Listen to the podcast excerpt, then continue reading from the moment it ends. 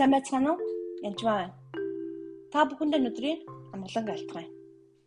Тэгэхээр бид нар итгэлийн тухай ярьж байгаа. Итгэлээр залбирахын тулд та итгэлтэй байх ёстой. Тэгээд бас ямар нэгэн эргэлзээ байж болохгүй. Зүрхэндээ итгэх ёстой. Тэгээс амаараа тухах ёстой. Бас түнчлэн хүлээж авах ёстой гэж тухай хэлсэн байна. Хүлээж авах итгэлээр холбоотой нэгэн ишлүүдийг би та бүхэнд уншиж өгье гэж батсан юм.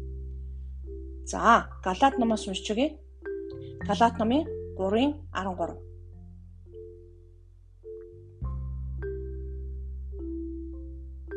Христ бидний төлөө хараал болсноороо биднийг хуулийн хараалаас золсон юм. Учир нь модон дээр өлгөгцсөн хүмүүр харагдсан гэж бичигдсэн байдаг. Христ бидний төлөө хараал болсноороо биднийг хуулийн хараалаас золсон. Тэгэхээр Христээр бид нар Христээр байснараа бид нар хуулийн хараалаас чөлөөлөгдсөн гэсэн үг. Гим нүгэл хийсэн бол та нар үхэх ёстой гэсэн ялнаас чөлөөлөгдсөн гэсэн үг. Тэгэхээр Христ өөрөө бидний төлөө хараал болсон. Мотон дээр өлгөгдсөн хүмүүр хараагдсан гэж бичигдсэн байдаг. 14 дугаар ишлэлээр энэ нь Авраамийн өрөөлийг Христ Есүсээр харийнханд ирүүлэхийн тулд юм. Энэ нь гэж шүү бүр энэ нь Авраамийн өрөөлийг Христ Есүсээр харийнханд ирүүлэхийн тулд юм. Бид харин үндэстэн мөн үү? Энэ Авраамийн өрөөлийг Тэгэд ямар өрөөлийг хинд гэж гинэ? Христ Есүсээр дамжуулаад тийм үү? Харийнханд Авраамийн өрөөлийг ирүүлэхийн тулд энэ бүхэн болсон. Ингэснээр бид итгэлээрээ сүнсний амлалтыг хүлээн авах юм. Тэр ингэснээр бид итгэлээр сүнсний амлалтыг хүлээн авах юм. За цааш нь 26 дугаар ишлэгийг уншъя. Галаат 3 дээр явж байгаа. Учир нь та нар бүгд Христ Иесуст итгэх итгэлээр Бурхны хүүгүүд болсон. Бид юугаар гэж итгэлээр Христ Иесуст итгэснээр бүгдээрээ Бурхны хүүгүүд болж байгаа. Тэгээ 29 дээр Христ та нар Христийнхэн бол та нар Авраамийн үр бөгөөд Авраамын үрс гэж хэлэх байхгүй үр нэг л үр. Нэгсэндээ яг Христ дотор байх юм болов байхгүй. Тэр та нар Христийнхэн бол та нар Авраамын үр болж байгаа. Яг бол та нар Христийн бие үсттэй. Бүгд нийлээд Христийн бие. Тэгэд Авраамын үр болж байгаа. Үр бөгөөд хамлалтын дагуу өв залгамжлагчд мөн. Тэр энэ хүмүүс заримдаа хүмүүс ярьдаг л дөө би Авраам хин тамаатай би Иесусийг лахт болоо шүү. Юу Авраам юм танд өв залхамжлал үлдээж л тээ. За янжмаа гэд тийм үү.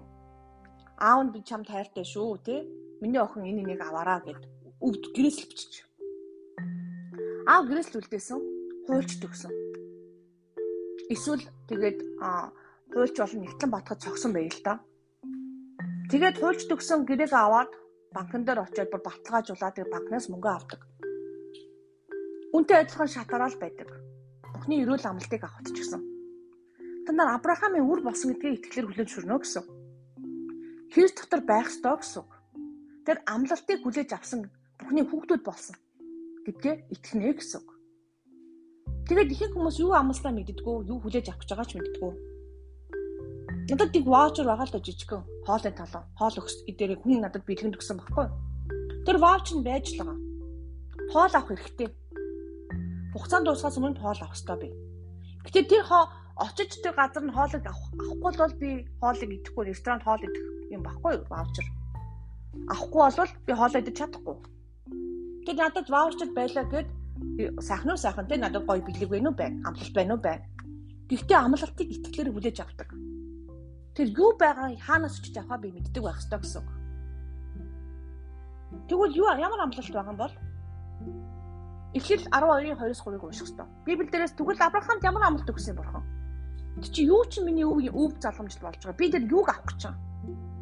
Би энэ дээр та нарыг баяжаал тархан болоо ч юм эсвэл Иесус итгэснээр та нар огц авахгүй гэж юм чи юрж яриаггүй. Би нэр зовно гэж бурхан хэлсэн угаасаа. Та нар хавчигдана гэж хэлсэн. Дээр байх юм бол угаасаа ясч хугарна. Зовхгүй зовно. Гэхдээ бид нарт бас амлалт байгаа байгаа бид мууч төрөй дийлэх амлалт байгаа бид өвчнийг эдгэх болдог байгаа амлалт байгаа Есүс Христийг хүлээж авах амлалт байгаа мөнх амьтаа болох амлалт байгаа Тэгвэл бас Авраамийн өв залгамжлах амралт байгаа. Ямар амралт вэ? Эхлэл 12-ийн 2-3-ыг уншъя. Чамаас би агуу үндэстнийг гаргаж чамааг бас би өрөөн чиний алдрыг би агуу болгоно. Юу гэж хэлсэн бэ? Авраамыг бурхан ингэж өрөөсөн. Энэ өрөөл биднийх байхгүй. Би чамааг яаж ин чамаагс би агуу үндэстнийг гаргана. Чи чиний үр өдөм агуу болно гэсэн. Чамааг бас би өрөөнө. Хүмүүс Авраамын өв уламжлалхээр мөнгө ярих гэж байна, буруу буруу гэж хэлдэг. Тийм биш үү? Үр хөвгт чинь сайн сайхан байгаасаа гэж хүсэхгүй гэж юу? Өнөр өтгөн байгаасаа гэж хүсэхгүй гэж юу? Өнөр өтгөн ямар сайхан айлгүй гэж хэлдэг үстэй. Тэр би агуу үндэстнийг гаргана гэж байгаа үстэй. Чамаас би. Чамаа бас би өрөөн гэж байгаа үстэй. Бурхан бидэнд өрөөсөн гэсэн үг байхгүй. Дээдин дээд эцэг бурхнаар өрөөлөх үг гэж юу? Чиний алдрыг би агуу болгоно. Нэр хүнд чинь сайнхан байгаасаа гэж мөнгө төсдөг үстэй. Монголчууд хүртэл юу гэдэг вүлээ? Нэр ухаа ясуурт гэж хэлдэг. Нэрийг чинь би алдрыг чинь би агуу болгоно Чи тэгээд өрөөл болтгой гэж байгаа юм. Өөрөө өрөөл болно гэсэн үг шүү дээ. Чи өрөөл болтгой. Бусдыг өрөөдөг, бусдыг сайхан байдаг, бусдад тусалдаг тийм юм болно гэсэн. Чамаа өрөөгчдийг би өрөөнө. Чамаа хараагчдыг би хараана. Чамд муулж байгаа хүмүүсээ би хамгаална гэж чамайг би хамгаална гэж байгаа юм байна. Газар дэлхийн бүх овог чамаар өрөөгдөх болно. Газар дэлхийн бүх овог чамаар өрөөгдөх болно ийм гайхамшигтай амлалтыг бурхан өгч байна. Энийг яаж авах юм? Зөвхөн итгэлээр ав. Итгэлээр. Тэр эзний үгэнд бүрэн итгэн гэсэн үг. Чи магадгүй одоо хэцүү юу н хүмүүсийг өрөөл болох би өөрөө өөрийгөө өрөөж чадахгүй байна. Өрөөдөл чадахгүй байна гэж хэлж бодож магадгүй. Тийм биш. Эзэн бурханд боломжгүй зүйл гэж байхгүй. Итгэлтэй байгаараа баярлалаа.